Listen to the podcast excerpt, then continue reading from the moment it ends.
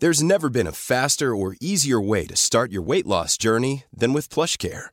PlushCare accepts most insurance plans and gives you online access to board-certified physicians who can prescribe FDA-approved weight loss medications like Wigovi and Zepbound for those who qualify.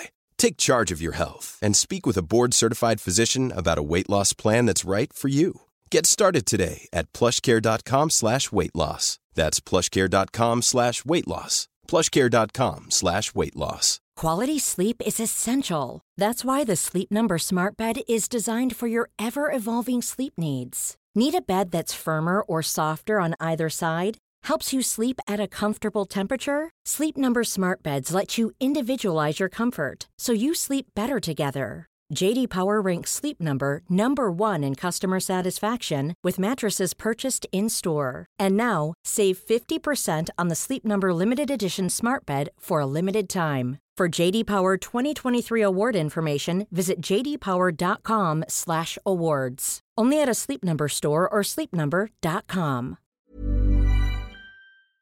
Du lyssnar på en podd från Media House by RF.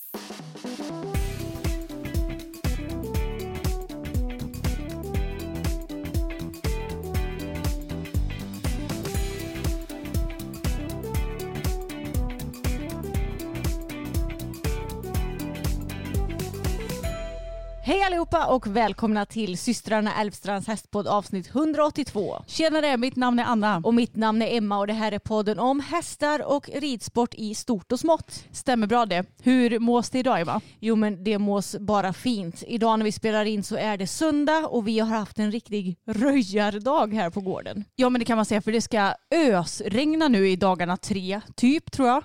Och därför så har vi strött upp den ena lösdriften. På sommaren så brukar vi alltid tumma båda lösdrifterna så att det inte är så mycket flugor och skit. Men den här sommaren så känns det ju som att det har typ varit onödigt för att det har inte varit varmt i princip. Nej. Men nu så strödde vi upp den ena och så har vi också fixat lite med, box med boxarna inne. Så Ja. att eh, några hästar ska kunna stå inne i natt och sådär. Ja, det är planen. Vad var det de sa? Att det ska komma lika mycket regn under en dag som det brukar göra under en hel månad? Eller vad? Ja. ja, eller nu de kommande dagarna i alla fall. Mm, precis, så ja, vi har fått förbereda lite grann. Det var lite krångel med traktorerna på gården. Gården? Vi är lite trötta så jag kan tydligen inte prata. Gården. Eh, Ja, eller krångel vet jag inte, men jag skulle ta en halmbal och då stod vår gamla traktor framför halmbalarna i vår lilla, lilla, lilla lada. Så först så tänkte jag att det kanske går ändå. Men det var ju inte så smidigt. Och, alltså, hade jag haft en midjestyrd traktor, då hade det nog inte varit några bekymmer. Mm. Vet du ens vad det är? Ja, någon traktor som kan vika sig lite i mitten antar jag. Ja, eller? så som du satt förr i tiden på ridskolan. ja exakt, när man vek sig i sidan så ja. Exakt. Mm. Men eh, ja, det gick inte så bra så då var jag tvungen att backa ut den gamle. Och då insåg jag ju när jag försökte backa ut, för jag bara fan vad trögt det går. Ja, det var inte så konstigt för att det satt ju på, jag tror det var betesputsen som Ja. pappa hade på. Den satt på. Och den hade jag inte tagit upp. Så den var ju nere i backen och skrapade i gruset. Man kan säga att Anna harvade lite i ladan. Så eh, pappa lyssnade inte på podden Nej. så att det är ju lugnt. Nej, ja, det hände ju ingenting Nej. mer än att jag harvade lite i backen. Men sen så löste det sig så fint så.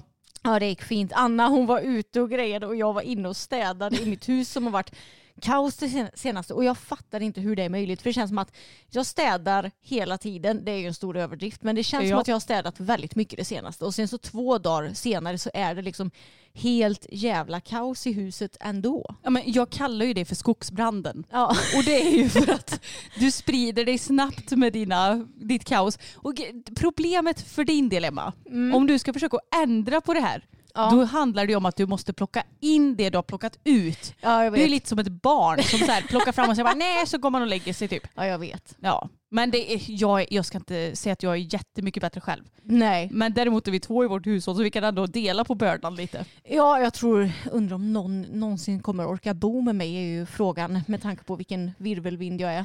Ja fast jo det kommer de nog allt. De också! De får skaffa fler stycken. De får ta det lite i, i pö om pö. Ja, precis. Jag får ingå i ett polyamoröst eh, förhållande. Ja, jag, jag hade blivit lite förvånad. Det känns inte som du... Nej, jag har lite svårt för att se mig det också. Även om jag egentligen tycker att det är en god idé i sig. Mm, varför det? Nej, men varför vara så himla pe- Fyrkantig. Ja, fyrkantig och PK och eh, ja, alltså djur är ju inte, poly, eller vad säger jag, djur är ju inte, ja, djur är ju inte monogamer. Exakt. Precis. så det är, det är väl bara vi människor som är det. Ja, men grejen är att jag hade, gud vad vi kommer in på jättemycket sidospår här nu. Ja. Men jag hade blivit så in i helskottas eh, svartsjuk Jo. om jag hade behövt dela Samuel med någon. Ja, men man får ju inte vara svartsjuk om man ska vara i Nej. ett eh, polyamoröst förhållande. Det är det som är grejen och jag är ju inte något svartsjuk på honom nu liksom. Jag har Nej. inte något sånt eh, förhållande som är så överhuvudtaget. Men hade Mm. jag behövt dela honom med någon annan då hade det känts jättejobbigt. Ja. Så jag, jag, nej, jag hade inte kunnat göra det. Nej, det är tur att man inte behöver om man inte vill. Exakt. Men ja, vi ska ju ta och uppdatera lite grann om vad som har skett med våra kära hästar i veckan. Mm. Och det har ju hänt lite grejer kan man ju lugnt säga. Ja, det kan man säga. Ska vi börja med det som får oss att bli lite fnissiga? Ja. Vi skulle ju då hoppträna i onsdags och vi, ja men jag var väldigt taggad innan för Susie hon hade skickat banskiss och jag tyckte det såg väldigt kul ut och Mm. du skulle träna Pebban och jag skulle träna Bella. Och det har ju gått väldigt bra när vi hoppat det senaste så ja men jag var pepp. Och själva träningen den gick bra och jag tyckte att Bella kändes fin, hon var framme för skänken och ja men jag hade ingenting att klaga på. Nej men det såg riktigt bra ut. Mm. Och så skulle vi hoppa vår sista bana och den låg på kanske ja, men dryga 90 centimeter. Det var väl något Ja. hinder lite högre och Ja. något hinder lite lägre också. Så eh, jag försökte ta mig ur lite ur min comfort zone och lite sådär. Och började banan hur bra som helst. Fick bra fart och klarade alla svårigheter. Vi hoppade bland annat kombination till fyra galoppsprång till kombination och lite sådär. Inga bekymmer, Bella var med på noterna och ja, jag kände att jag red bra. Ja. Men sen då, något som eh, jag kanske har så här hatkärlek över när det kommer till Susie, förlåt Susie om du hör där, det är att hon ska gärna blanda in lite så här småhinder i mitten av banan. Mm. För att man ska så här, komma tillbaka lite och inte bara ösa på i banhoppningstempo utan att man ska, ja men ni förstår vad jag menar, komma tillbaka till lite koncentration och Ja men syftet är ju att hästarna inte ska bli för långa i galoppen kanske. Exakt. Och att eh, kanske också att ryttaren ska få en liten andningspaus och få koll på allting. Ja, och anledningen till att jag inte gillar det här det är ju dels för att jag är lite svartvit. Jag, jag, jag tycker så här, är det banhoppning så vill jag ha banhoppningstempo och då är det det som gäller. Eh, gymnastik hoppar jag så vill jag ha det sortens tempo. Ja, så då hade vi ett hinder på mitten på ridhuset som alltså stod på medellinjen. Och det var kanske så här 70 centimeter högt. Ja. Bara en liten planka. Och varenda gång jag hade kommit på det här hindret så hade vi kommit lite så här knepigt på det tycker jag. Så jag bara, nu jäklar ska vi ändå komma lite utifrån så att vi bara, vi bara flyter med, flyter över det. Så jag rider an det här lilla hindret och tycker att jag har, ja men alltså jag ser ju att det är ett stort avsprång. ja. Men jag bara, det går. Jag tror att du underskattade hinder, eller översk- underskattade hindrets höjd lite grann. För är det ett lite högre hinder så blir det ändå lite mer naturligt komma lite större på det. Jo men precis för då blir avsprångspunkten lite längre ifrån och sådär. Men jag, jag tyckte så att äh, men jag, vi ligger lite stort men det är inga bekymmer. Så jag hoppade. Bella hon bara vad fan håller Anna på med? Jag klarar inte av att hoppa här. Så hon la till ett litet språng till och hamnar liksom i obalans eftersom att jag har ju redan hoppat av. Och hon tar ju sig över det här lilla hindret men väldigt klumpigt givetvis för att vi var i obalans båda två. Höll nästan på att gå omkull efter det här lilla hindret. Ja och det var inte så konstigt för du låg ju nästan lite på hennes hals samtidigt Ja. som hon hade snubblat över hindret så det blev inte så naturligt för henne att ta sig upp med en gång. Nej men alltså jag sabbade ju hela hennes balans och min egen. Så först så höll jag ju på att studsa av redan där. Men envis som jag är så försökte jag ju klamra mig fast. Och jag vet inte om jag kanske, om det kanske hade varit bättre om jag hade åkt av lite tidigare Ja. egentligen. För att jag försökte få henne att stanna, jag bara prr Bella så här, under tiden som jag höll på att åka av. Men sen så kom ju då väggen. Och då svängde Bella åt vänster och jag svängde åt höger kan man säga. Och så pang så låg jag där. Typ In i väggen. in i väggen slash på ridhusbotten. Ja men alltså det, när jag såg det här så såg det ju typ ut som om du landade med typ axeln in i väggen först. Ja, grejen är att det är alltid så här när jag ramlar av. Jag kommer ju typ inte ihåg hur jag ramlar. Nej. Det, det enda jag vet är att jag har ju lite blåmärken och lite sår och lite så. Jag har ju alltså ett skrapsår på högerarmen. Jag, har, jag tappade luften också. Jag har ont i min högra axel så den kommer liksom inte högre upp än så här. Ja men det var höger axel som du landade in i väggen med. Men landade jag liksom så Ja. eller typ med armen uppe eller någonting? Nej du... Det Kommer du är, ihåg det? Nej jag tror det var liksom direkt på liksom Ja. sidan av axeln. Här. Ja. Och sen har jag ju ett brutalt jäkla blåmärke på insidan av överarmen på vänster arm. Det fattar vi inte vart det kommer ifrån. Jag förstår ingenting. Jag funderar på om jag typ glidit mot sadeln eller någonting Mm. på något vänster. Och dessutom så eh, ja, landar jag lite med huvudet in i sargen för att det har blivit lite ett eh, rivsår på hjälmen eller Ja, så. men det var ju höger axel och höger del av skallen. Ja, precis. Och sen så avslutade jag hela kalaset med att typ faceplanta in i ridhusbotten så att jag Mm. spottade ju grus och grejer efteråt också. Och min första tanke det var att fan, vad gör jag? Jag är så klantig. och dessutom så kände jag bara vad onödigt det här var. Ja. Så himla, sån himla jättetabbe. Och jag, jag blev så förbannad bara. Ja. Och, eh, grejen är så här också att jag försökte att sitta upp så snart jag kunde. Jag var ju tvungen att få tillbaka min anda och få bort gruset ur munnen och sådär. ja, och känna som man inte har hjärnskakning heller. Precis, det kände jag verkligen. Men jag, bara, jag har ändå koll på vad det är för dag, jag vet vad det är för månad. Då har jag inte fått någon hjärnskakning den här gången heller, vilket Nej. är helt otroligt för att jag landade ju med huvudet in i sargen typ. Så jag tänkte att nu blir det väl första hjärnskakningen här. Men icke. Så jag mådde ändå bra och därför kände jag att jag kunde sitta upp. Och jag tog ju faktiskt och hoppade det här hindret igen efteråt sen. Och det kändes ändå bra. Så att Mm. jag hoppas, hoppas, hoppas, hoppas att jag inte har blivit rädd nu. Nej. För att det är ju det som jag tycker vore väldigt tråkigt. Ja, men det kän- jag tycker att det känns som att du inte kommer att bli det just för att du hoppade upp igen. Du tog dig över det hindret som var själva problemet. Ja och jag vet också, jag menar jag hade nog blivit rädd om hon hade typ eh, ja, men gjort någon fulnit inom Ja. citationstecken eller eh, inte vet jag, gjort något väldigt klantigt. Att det typ hade varit Bellas fel, inte för att Mm. jag brukar tycka att det är hästens fel men ni förstår nog vad jag menar. Ja. Men nu är jag så himla medveten om att herregud jag gjorde ju en supertabbe liksom. Ja. Så jag hoppas att det ska gå bra och jag Mm. hoppas att vi kan få tid att hoppa. Vi ska ju åka utomlands nu på onsdag, Ja. alltså imorgon.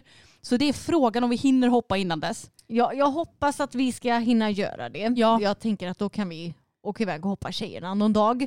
Eh, och då tänker jag att då behöver man inte ta det så himla seriöst utan då kan vi ju hoppa lite bara för skojs skull. Ja men och framförallt få hålla inne förmågan lite tänkte jag säga. Nej, men att vi får göra det lite innan vi får en veckas paus från hästarna. Ja, och nu börjar ju du komma igång så bra i hoppningen också. Du har ju fått väldigt många fina kommentarer att det har sett så bra ut och att du är så modig och att, du, att det syns att du verkligen börjar komma igång nu igen i hoppningen. Ja men jag kände det att jag kände mig lite som en liten djävul där uppe på Bella så att jag ja, men hade lite hornen ute och det är lite så jag behöver vara för att faktiskt hoppa bra. Det låter ju fel att ha, vara en liten djävul men att man faktiskt är på och med hela tiden och jag blir mycket mer koncentrerad när jag känner att jag är i det modet. Men eh, du och Pebban gjorde ju en jättebra träning. Ja men det kändes faktiskt väldigt bra. I början dock så tycker jag att jag själv var ganska så ofokuserad. Jag hade lite svårt för att fokusera på ja, men mig själv och ridningen och jag fokuserade lite väl mycket på yttre faktorer och sådär. Men efter uppvärmningen så tycker jag att vi kom igång riktigt bra. Hoppade en bana som kändes bra och jag menar det är ju ändå lite svårigheter där med att hoppa kombination, olika linjer på henne just eftersom hon blir lite pigg och stark och sen så alltid i kombinationer så tycker jag att det blir så trångt på henne. Just för att hon, dels har hon en lång och stor och bra galopp men sen så hoppar hon ju också väldigt stort så att hon täcker mycket plats i sina språng och då blir ju kombinationer trånga. Så det var ju väldigt trångt där i de där kombinationerna när det var ett språng emellan. Men vi löste det bra. Hon hoppade bra och ja, men det kändes som att jag fick ett bra flyt så jag var väldigt nöjd efteråt. Ja men jag tyckte verkligen att du skulle vara nöjd också och samma dag så åkte vi till ridhuset för att hoppa lite med fokus, eller ja hoppa, det blev väl inte så mycket till det för att jag, min lilla guldfisk, glömde ju då ta på benskydd på honom. Så att eh, då vill jag inte hoppa för högt men jag tycker ändå att man kan lägga upp små block. Det är ju inga problem. Nej. Han är ju inte en klumpig häst som råkar slå i sig utan han är ju snarare tvärtom att han är lite känslig, eller lite försiktig. Han är väldigt rapp. Han är väldigt rapp i sina Ja. ben. Så vi la upp två block med 20 meter emellan och så varierade vi lite galoppsprång däremellan. Och han kändes så fin. Mm. Och det var så kul för nu gjorde jag ett pass där jag kände att jag verkligen kunde variera lite hoppning och dressyr. Ja men dels så blev det att jag skuttade över de här små blocken. Men också så tränade vi lite byten och ja men vi har börjat leka lite med lite galoppombytesserier och sådär. För att jag tror att det är nog ganska viktigt för mig att försöka komma vidare lite med bytena. Nej, de är absolut inte befästa än att vi gör alla rena. Nej. Men jag tror att Ja, men jag, jag tror någonstans att för att komma vidare så behöver man ha lite kul och testa Ja. sig fram lite. Alltså verkligen, och man behöver inte ta allting på så himla blodigt allvar heller. Nej, och Utan det märks ju att både du och Fokus tycker det är kul med de här serierna som du gör. Verkligen, alltså han är sån där, har jag gjort ett byte så han så här, jag känner hela honom att han bara, när ska vi byta härnäst? Så, här. Ja. så han tycker nog det är jättekul och jag menar, jag har ju heller inte som mål att tävla högt med honom Nej. längre. Jag hade väl det från början men jag känner att jag har släppt det helt i princip. Du får ta det lite som det kommer. Exakt, så därför känns det extra kul att bara leka runt. Och du och Tage var ju med i ridhuset också. Ja det var vi och precis som Fokus hade ju inte han några benskydd på sig. Nej. Men jag skuttade också lite grann och bara varierade galopp mellan två små hinder och han tyckte det var väldigt kul. Han känns väldigt fräsch nu får jag säga. Ja, det är jättekul. Han är ju 23 år gammal och lite pensionär så att det är bara roligt att han kan hålla sig så fräsch. Ja. Men i fredag så hade vi ju det väldigt kul också Anna. ja. Då åkte vi till vår kompis Miranda som har två väldigt fina hästar som heter Ella och Pippi. Pippi hon är, är hon 16? Hon är född 07, då blir Ja, hon 16 va? 16 Mm. och eh, har tävlat intermediär va? Ja men precis. Mm. Det vill säga att hon kan ju allting. Exakt och Miranda hon skulle starta Grand Prix på henne men det blev inte av och sen så blev hon lite skadad och så så Mm. eh, det har fortfarande inte blivit av men hon är ju liksom fullt utbildad. Ja, hon har ju inte tävlat de senaste åren va? Nej, Men hon kan ju fortfarande alltså allting. Och Ella hon är född 14 så hon Mm. är 9 blir det. yes. Och hon tävlar upp till Medelsvår B va? Ja och hon kan väl i princip allting också. Det är väl egentligen piaffen som inte riktigt är befäst. Ja. Men annars så är hon väldigt eh, talangfull också och Mm. välutbildad. ja, rör sig väldigt fint. Otroligt fint. Och du har ju ridit båda två Mm. flertalet gånger innan va? Mm. Och jag har ju aldrig suttit på någon av dem. Och så skulle vi åka dit och vi hade med oss ridkläder och vi var så här, ah, undrar om det kommer gå att rida för det var ju världens åsk och regn när vi åkte dit. Som tur var så blev det ett uppehåll där en stund och då sa Miranda att nej men nu går vi ut och rider. Och då sa jag att jag vill prova att rida Pippi för du har ju pratat så himla gott om Pippi, sagt att det är din favorithäst i hela världen. och då kände jag så här, "Ja, men I wanna know what the fuss is about. Mm. Så då fick jag göra det och du fick rida Ella. Yes. Mm. Och så här i efterhand så kan jag säga att I understand what the fuss is about Eller hur? med den lilla hästen. Det var så roligt för hon är ju inte så stor Pippi, hon är ju typ i Tage-size. Mm. Det vill säga drygt 1,60. Men hon känns mycket större att rida. Och jag kände att eftersom hon är så välutbildad, hon, hon är pigg men hon är, eller jag tyckte inte att hon var liksom och superhet. Men ändå att hon är väldigt framåt. Och det var så härligt. Och hon lyssnade så fint på mig. Och när jag gjorde rätt i de olika rörelserna så gjorde ju hon dem rätt också. Ja men exakt och jag vet att Miranda har sagt det under tiden som hon har utbildat Pippi så har hon varit extremt het verkligen. Och hon har väl också sina dagar, jag menar det är väl som med oss människor, man har mer eller mindre energi. Och jag tycker att hon är så häftig också för att hon är ju kanske inte helt som man tänker att en dressyrhäst ska vara. Hon är ju lite framtung. Jag, jag tycker hon och Pebban är lite lika i Ja. sin liksom, kroppstyp även om Pebban är bra mycket högre än vad Pippi är. Eh, För de är lite framtunga båda två och ändå ganska biffiga. Eh, Men alltså Pippi är ju, när hon kommer igång och när man har börjat att rida henne och samla upp henne, man märker inte ett skit att hon är framtung för att hon verkligen kommer så fint på bakbenen och nej alltså hon är så rolig att rida. Ja, jätterolig. Och jag fick till faktiskt bra passage tycker jag. Mm. Det kände jag att jag fick ganska så bra bra känsla och att jag kunde få till det ganska lätt. Sen är det klart att hade typ Miranda eller någon som är duktigare än mig på att rida och som är van vid att rida passage hade det såklart blivit ännu bättre. Men jag kände verkligen att okej jag får till känslan i det här.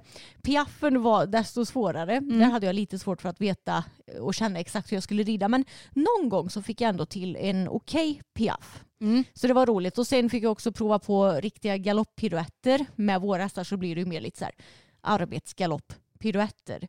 Nu var det ju verkligen så här att hästen går upp i piruettgalopp och galopperar så här jättelångsamt och verkligen vänder precis på stället. Ja, hur, hur tyckte du att det kändes?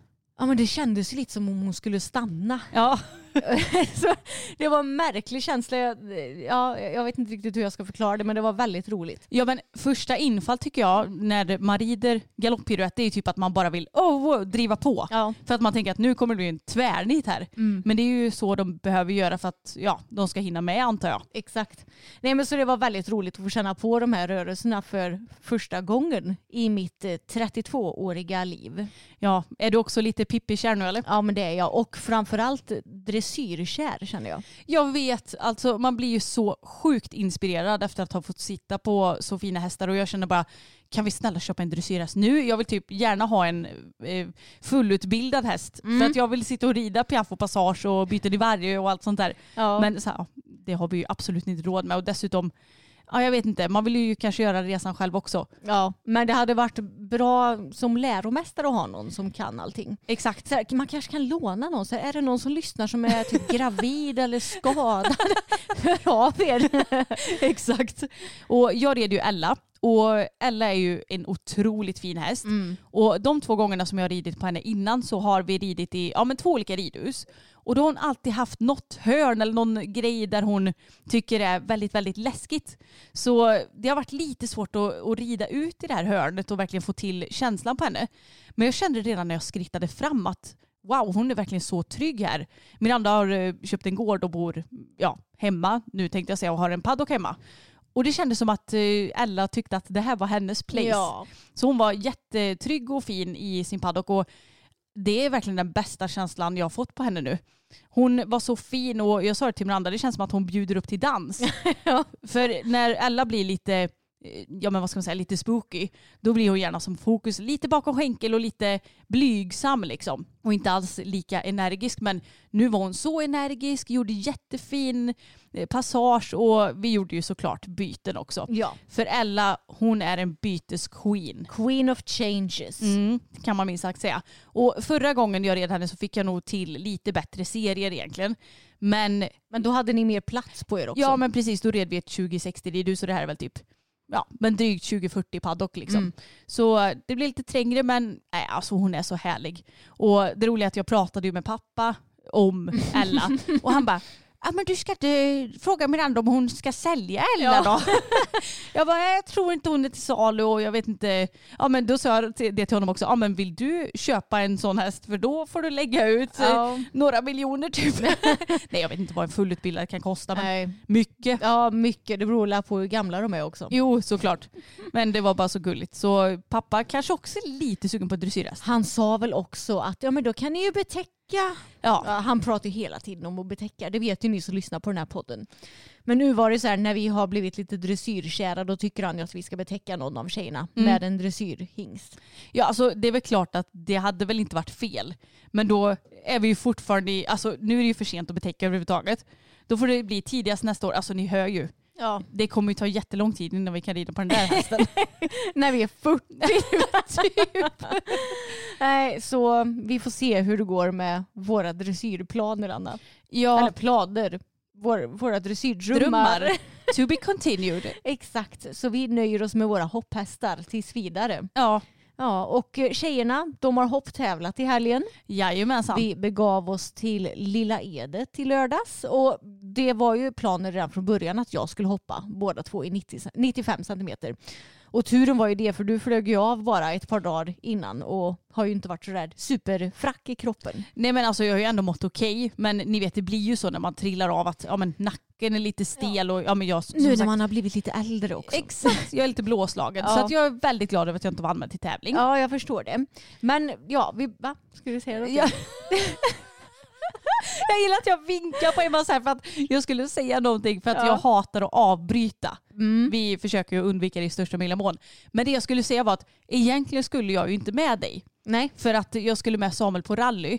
Men så sa du det att jag har bara pappa med mig och det funkar ju inte riktigt för att ja, men du hade ju ändå relativt tajt mellan dina starter. Ja, Så vi och, behövde vara två. ja, och i synnerhet om jag skulle få film på allting Mm. också. Exakt. Så att eh, då försökte du få någon att följa med och det var ingen som riktigt nappa och då så sa Samuel att ja, men åk med Emma då. Det går bra. Du kan se mig på rally någon annan gång. Ja. Så då så gjorde jag det helt enkelt. Ja, och det var ju skönt för som sagt det var en eh, intensiv dag kan man säga. Ja. Men jag började med Pebban. Det brukar ju vara så när jag rider tjejerna i samma klass så brukar jag vilja börja med Pebban. Och det är för att hon behöver dels ganska så lång framridning för att slappna av och bli lösgjord och framförallt bli av med lite energi eftersom Japp. hon har en tendens att bli väldigt het på tävling. Jag tycker inte hon är så himla het hemma längre men på tävling då är det så här då kommer nästa växel på kan man säga. ja, och kanske framförallt när båda tjejerna är med. Ja, Nu har vi inte tävlat henne själv på länge men Nej. jag skulle kunna tro att hon hade varit lite lugnare då ja ändå. antagligen. Men när Bella är med då behöver hon en rejäl framridning. Så det som vi har gjort nu det senaste det är att jag har ja, kommit fram till tävlingen och medan klassen innan den som jag ska rida går så hoppar jag upp och rider fram henne. Så jag rider fram henne och sen så brukar det vara typ en halvtimmes paus mellan två klasser när de bygger om banan och när man ska gå banan och sådär.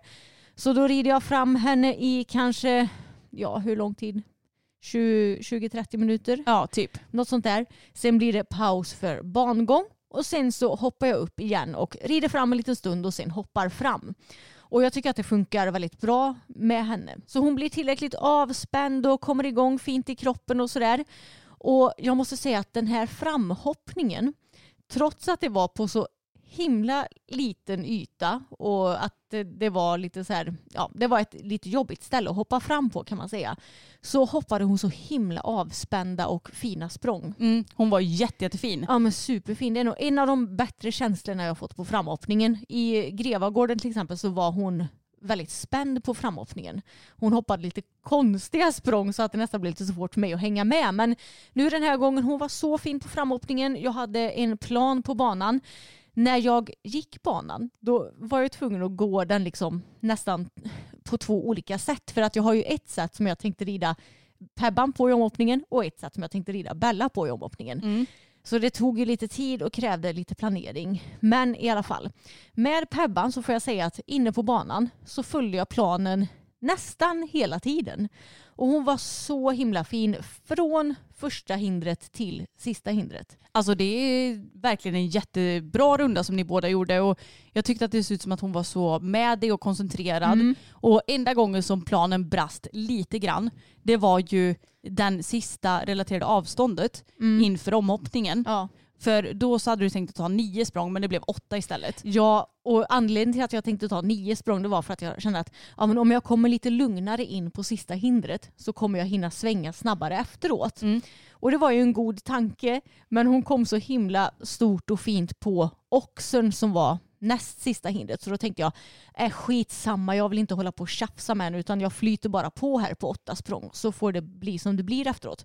Och det var så roligt för den här sista hindret i grundomgången till första hindret i omhoppningen det var typ exakt en sån sväng som det var i Falköping när jag lyckades trilla av. Ja. Det vill säga att du hoppar ett hinder i vänster varv på diagonalen och sen att det blir en skarp högersväng och att du ska hoppa ett hinder som står typ på långsidan. Mm.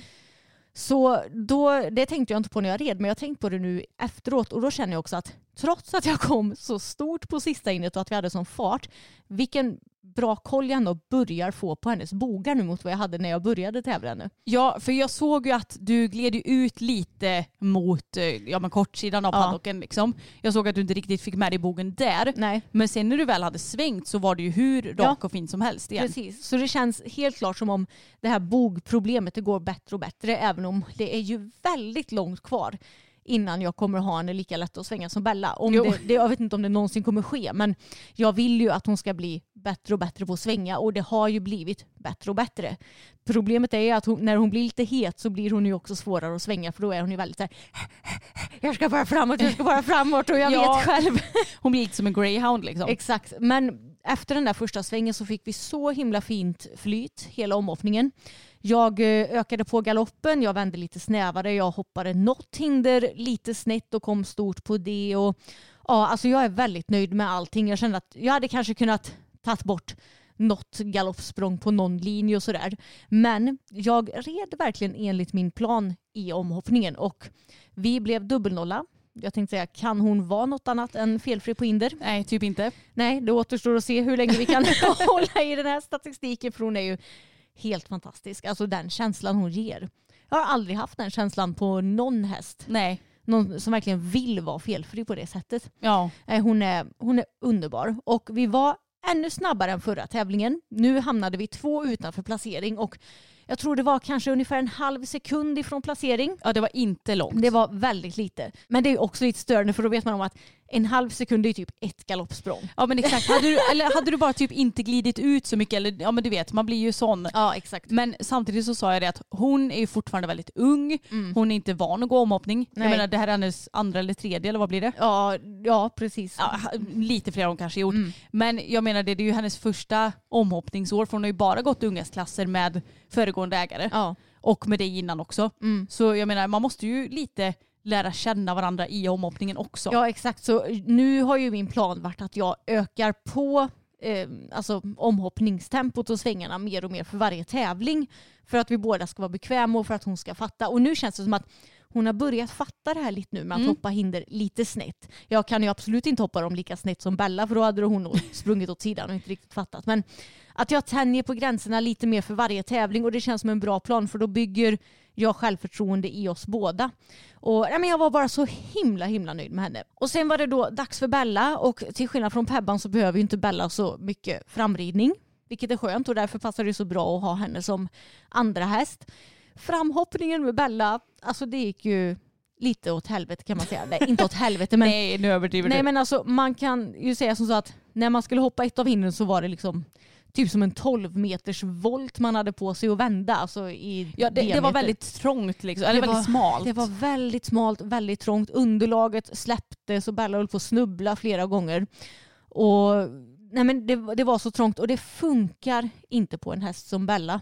Nej, alltså kombinationen med lite löst underlag och trång paddock, det Ja. funkar inte på henne för att då blir hon en liten blyg snigel. Ja, exakt. Så jag fick ju liksom inget flyt alls på framhoppning. Jag kände att hon hoppade bra, hon gjorde det hon skulle. Men jag fick henne verkligen inte framme för skänken och det var bara så frustrerande. Men ni gjorde ju verkligen ert bästa Vi båda gjorde två. vårt bästa och sen inne på banan så försökte jag släppa det lite grann. Jag kom igång och ja, men kanske de typ tre första hindren kändes ändå rätt så bra. Men därefter det tredje hindret kände jag att nu börjar det gå liksom här lite långsammare och långsammare hela tiden. Jag fick liksom knappt fram henne på de sju sprången som det skulle vara i en distans och sen näst sista till sista hindret i grundomgången. Det är så roligt för det gick ju inte enligt planen med någon av hästarna. Nej, för Pebban fick ju åtta språng istället för nio. Ja. Och Bella fick tio istället för nio. Bella fick tio språng istället för det och det är för att jag kom så jävla konstigt på det näst sista hindret som var i en oxer så jag hamnade ju lite så här i obalans efter det och bara så här okej men nu tar vi det lite lugnt så jag hinner samla mig. Men ja, så vi kom ju över grundomgången felfria. Du, jag har en fråga. Ja. Hur många meter var det mellan de här två hindren? Eh, jag tror det var 35-36 meter kanske. Ja, så då skulle det vara åtta språng då. Nio, alltså sju språng brukar man säga 28 meter så åtta språng är väl typ så här 32-33 Ja, just det, ja. meter. Ja, lite oklart då ord. Ja jag vet, man kunde, man kunde ju välja lite. Ja, Men exakt. min plan var ju nio språng. Ja. Och då hade det varit så här, nio språng tillbaks på Pebban och nio språng så här, ändå lite i framläge typ, på ja. Bella. Men det blev det inte utan det blev åtta med Pebban och tio språng med Bella. Men det som var bra då det var att jag kunde ju svänga snabbt som tusan efter det där hindret till skillnad från med Pebban. Sen så var nästa hinder, eller de första hindren i omhoppningen det var oxer till räcke och sex galoppsprång. Och det var ändå alltså, normala sex språng så jag lyckades ju ändå få fram Bella på de sex Mm. sprången.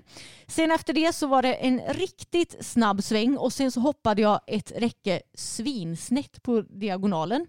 Alltså jag tror inte riktigt man ser i filmen hur snett jag hoppar det Nej. hindret. För det var, det står ett hinder typ strax bakom och bredvid det hindret och det hann jag svänga innanför. ja, och det var inte många meter man hade på sig Det för att lyckas med det. Inte många meter. Jag tror det kan nog inte ha varit så himla många som tog den svängen. Nej, det var nog du och typ de två eh, som placerade sig Ja, ettan, tvåa Du typ. får tänka på hur långsamma vi var också Anna. Ja, Man kan jo. ju ha kompenserat upp det genom att rida snabbare än vad jag gjorde. Sant. Men hur som helst så lyckades ni med den Ja, vi svängen. fick till en riktig jävla kanonsväng kan man ju säga. En ponnysväng. En ponnysväng. Och sen så kom jag väldigt bra på näst sista omhoppningen också. Problemet var ju bara att det gick ju jättelångsamt det här. Det är ingen racegalopp inte. Det gulligaste var ändå mellan näst sista och sista hindret jag var på. Alltså Mm. jag stod där och filmade. Jag fick hålla mig för skratt. Det, det gick bara långsammare och långsammare såg det ut som. Och jag tänkte att ni kommer aldrig komma fram till sista hindret. Jag tänkte alltså Bella kommer stanna och jag hade fått driva henne hela banan. Det var en stor utebana. Alltså jag var ju helt slut till det här sista hindret. Och Pebban hon fick nio språng mellan näst sista och sista i eh, omhoppningen. Och Bella jag tänkte hon fick väl säkert 12 eller något men det var faktiskt bara 10 språng. Ja, för det såg ut som att det gick ännu långsammare och jag Ja. trodde nästan att du typ skulle syra undan eller någonting. Ja men jag kände så här, nu är jag felfri, då kan jag inte göra det. Nej. Jag är en sån tävlingsmänniska.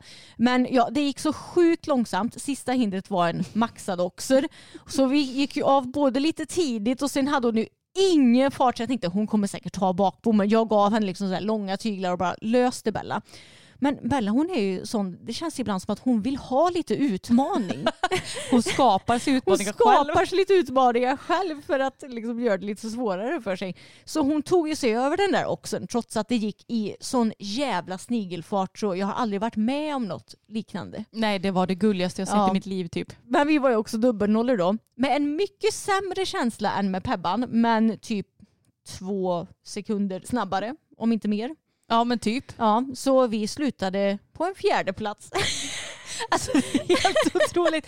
Jag undrar vart jag hade hamnat om Bella inte hade varit en liten snigel Ja, men om hon hade varit typ som hon var med dig i Grevagården, alltså Ja. sin, sitt vanliga tempo. Ja för grejen är att vi har ändå sagt det att Bella hon kan vara lite olika på tävling. Antingen så är hon väldigt fin och framme på skänken eller också så är hon lite blygsam. Men det här! Är det, så här har hon aldrig varit Hon förut. slog alla rekord. Hon slog alla rekord och det var så gulligt. Jag kände bara herregud. Jag, jag kände mig nästan som en liten nybörjare som styrde runt banan där. Ja, Ja. fast det, nej det var det ju inte. Jag har sett filmen och jag kan säga att känslan var ju faktiskt mycket värre än vad det såg ut. Ja men så jag, ni som var på plats och tyckte att det såg illa ut, tänk då hur min känsla var. ja, men jag, jag som känner er så väl, jag ser ju hur långsamt det går.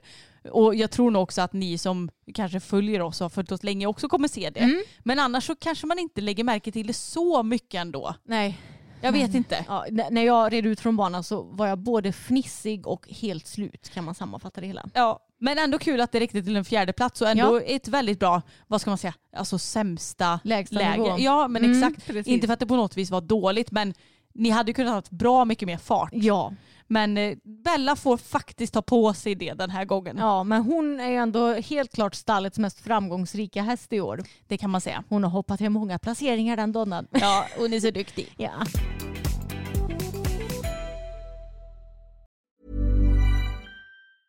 Hey, it's Ryan Reynolds, and I'm here with Keith, co star of my upcoming film, If, only in theaters, May 17th. Do you want to tell people the big news? All right, I'll do it. Sign up now and you'll get unlimited for $15 a month and six months of Paramount Plus Essential Plan on us. Mintmobile.com slash switch.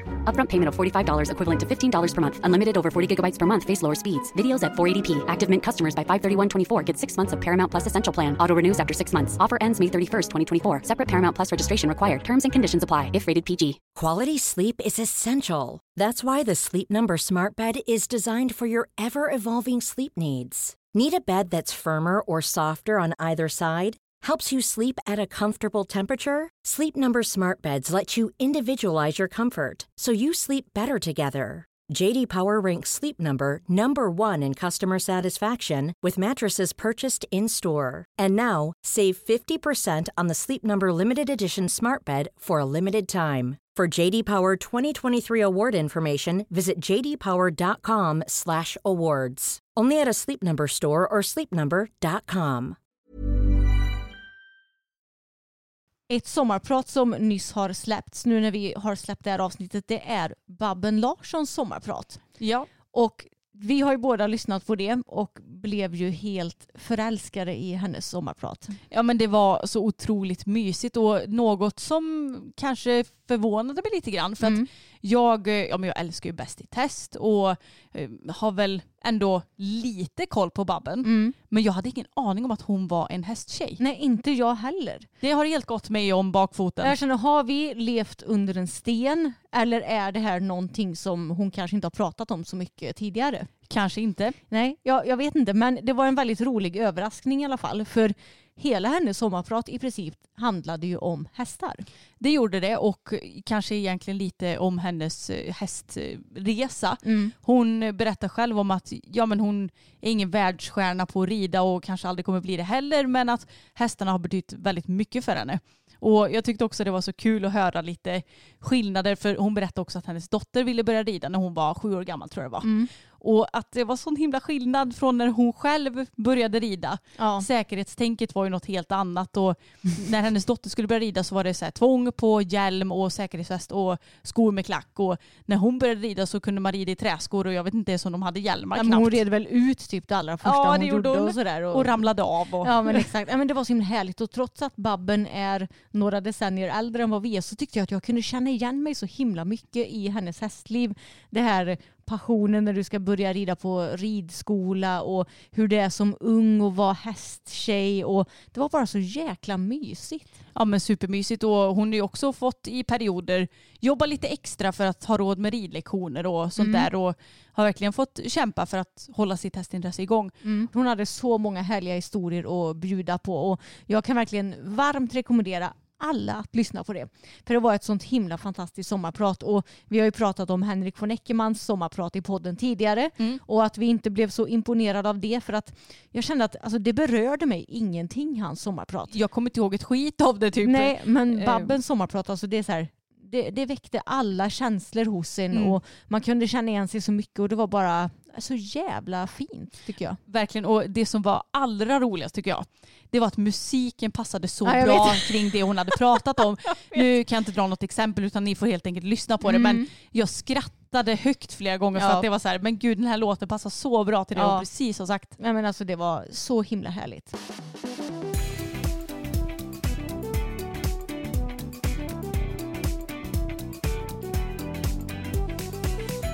Ja men det är väl ingen hemlighet att vi är lite sugna på dressyrhäst. Eller jag har ju framförallt varit det ett bra tag nu. Ja. Så jag fönstershoppar ju lite på Hästnet och sådär då.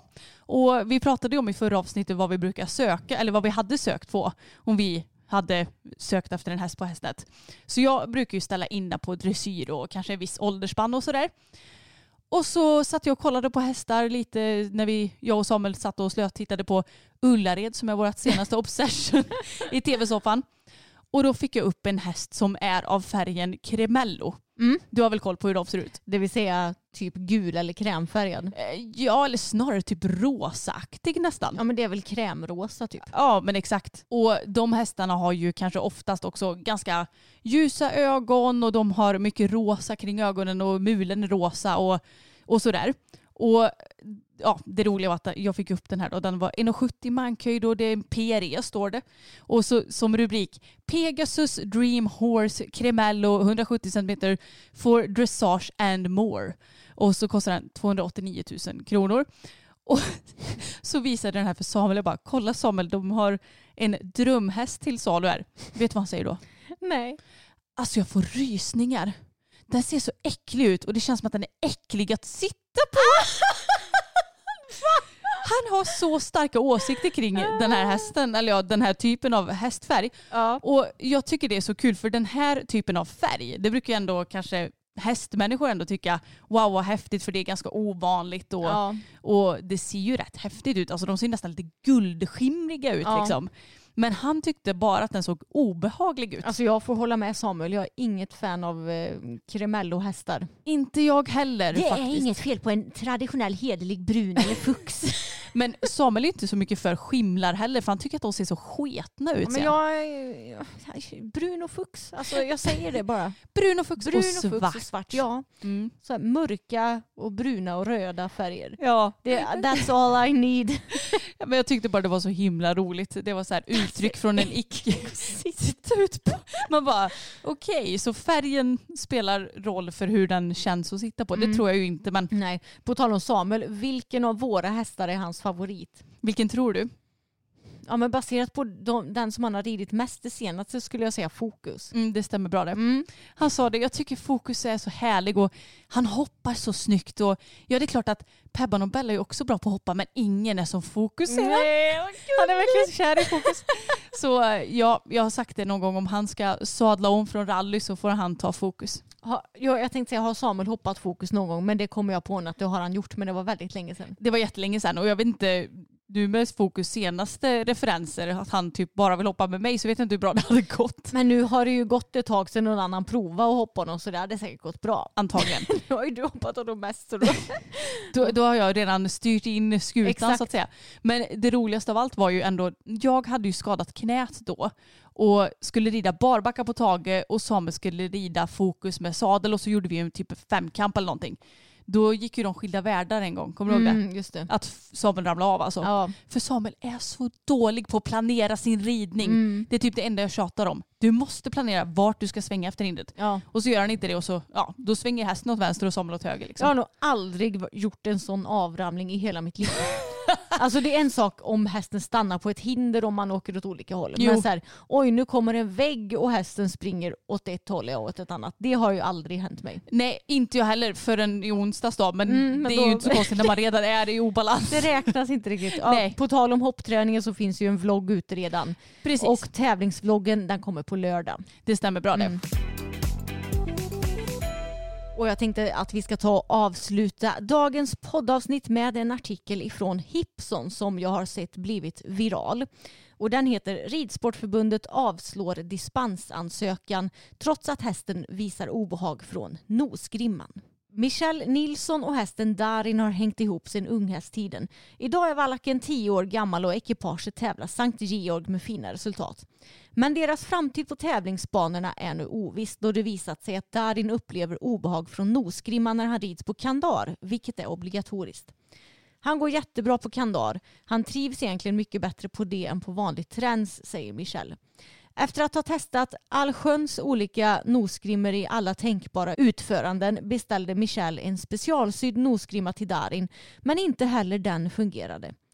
Kandarets sidostycken ligger direkt kloss an på Darins kinder så det spelar ingen roll hur liten nosgrimman är eller hur löst den sitter.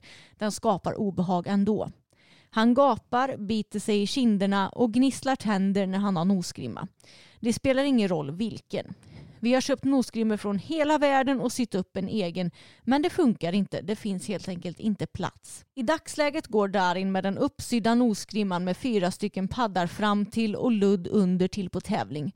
En lösning som Michel berättar fungerar helt okej i nuläget men som han fortfarande visar en del missnöje från. Något som inte kommer hålla i längden. Hemma rids Darin på kandar utan nosgrimma och går klockrent. Därför sökte Michel dispens hos Svenska Ridsportförbundet för att få tävla Darin på kandar utan nosgrimma. Något hon fick avslag på med motiveringen nosgrimma ska bäras enligt tävlingsreglementet och man gör ej avsteg från det. Samtidigt står det i tävlingsreglementet att ingen utrustning som är skadlig eller ger hästen obehag får användas.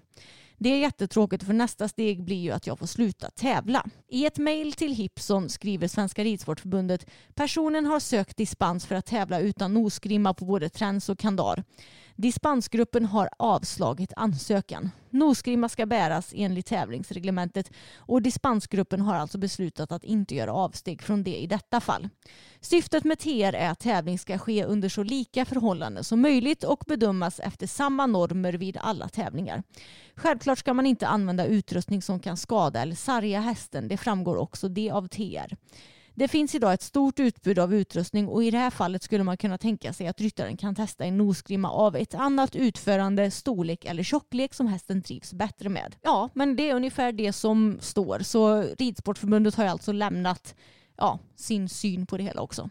Alltså det som jag tänker på i första hand nu, det är att om man nu söker dispens från att kunna avstå från vad som står i TR eller sådär. Mm.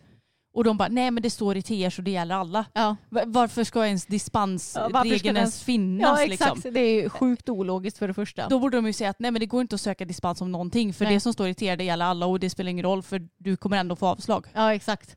Eh, sjukt märkligt och deras förklaring är ju också, ja men precis som när det kommer till det mesta med Svenska Ridsportförbundet, den är ju totalt värdelös. Och det är också så kul att de bara, hon kan väl prova något annat. Ja, för att det är ju kanske inte så att man bara, nej det funkar inte med den men då, jag orkar inte prova något annat. Det är väl klart som fan att man testar det fram och det har hon ju sagt också att hon Ja. har gjort. Hon har provat allt. Exakt, och ska man ha en nosgrimma som är typ helt specialsydd och att det ändå inte funkar, då kan man ju tycka att Ridsportförbundet borde förstå att det är ett problem. Och så är de ju så jävla fjantiga det här med att ja, det ska vara på lika villkor. Ja, men om de är lite mer flexibla med vilken utrustning man får ha, då blir det ju på lika villkor. Exakt. För de kan ju inte räkna med att alla hästar vill ha nosgrimmor och att nosgrimmorna ska se likadana ut eller att alla hästar vill ha samma bett eller vissa hästar vill ju ha bettlöst. Ja men du fattar vad jag menar. Ja men exakt, det blir ju lika villkor om hästen får trivas på det den går på. Exakt.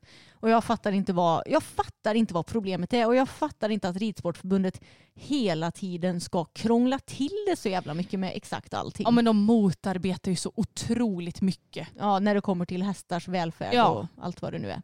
Och så ska man hålla stjärnryttarna om ryggen typ känns det som. Ja, ja. Med allt. Mm. Oh. Jag blir så trött. Och det är ju många andra som är trötta också har jag sett på sociala medier, vilket man ju förstår. Mm. Och ja, nu är det ju för sent att lämna in förslag på ändringar till TR för det skulle man ha gjort senast 31 juli. Men jag hoppas att eh, vi är många som har lämnat in det förslaget. Alltså att eh, man ska få tävla utan nosgrimma. Mm. Precis som i hoppningen, där måste du inte ha nosgrimma på tävling till exempel. Nej men det är helt ologisk regel. Ja, att du måste ha det i dressyren ja. ja.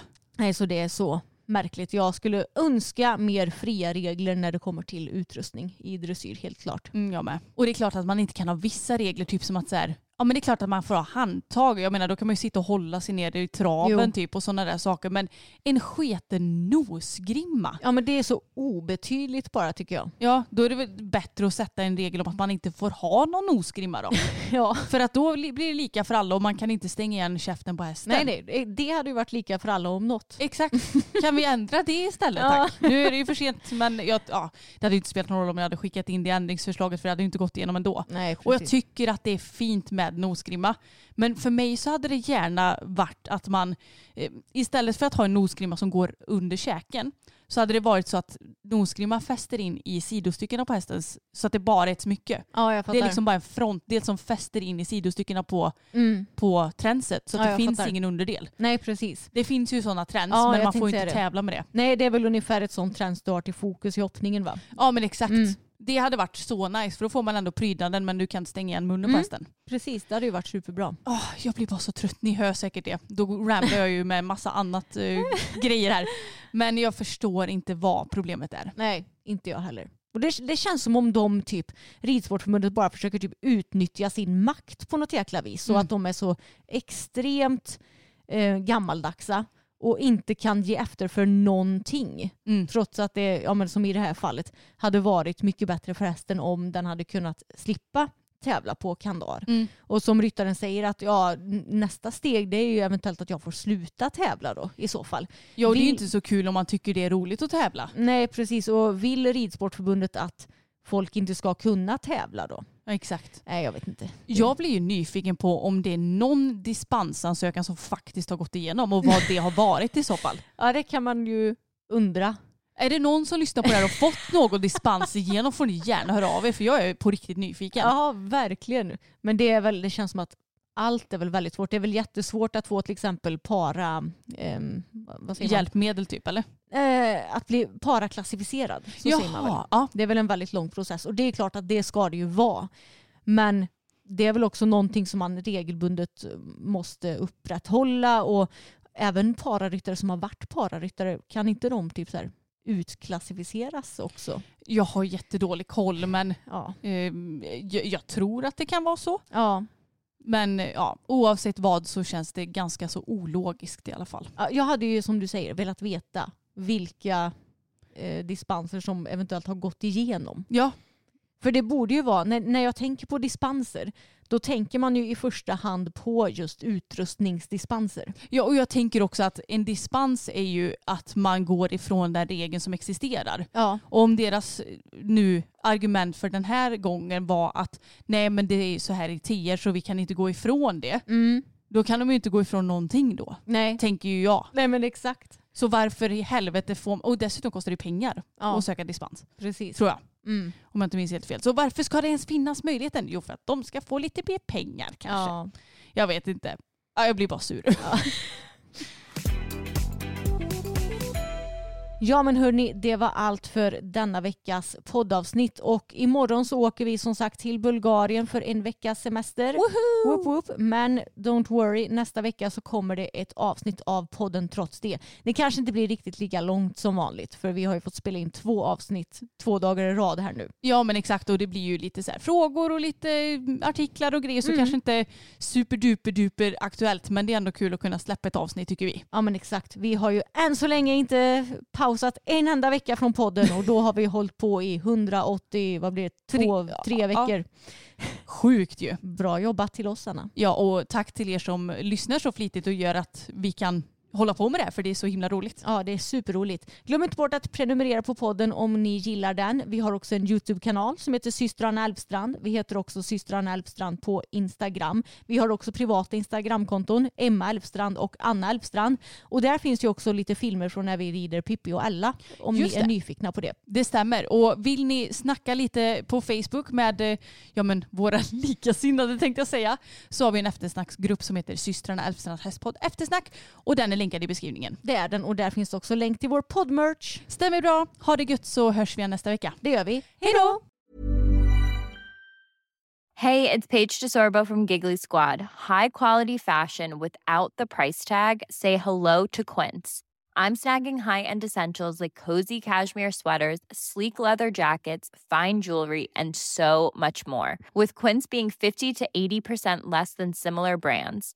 And they partner with factories that prioritize safe, ethical, and responsible manufacturing. I love that. Luxury quality within reach. Go to quince.com slash style to get free shipping and 365 day returns on your next order. Quince.com slash style.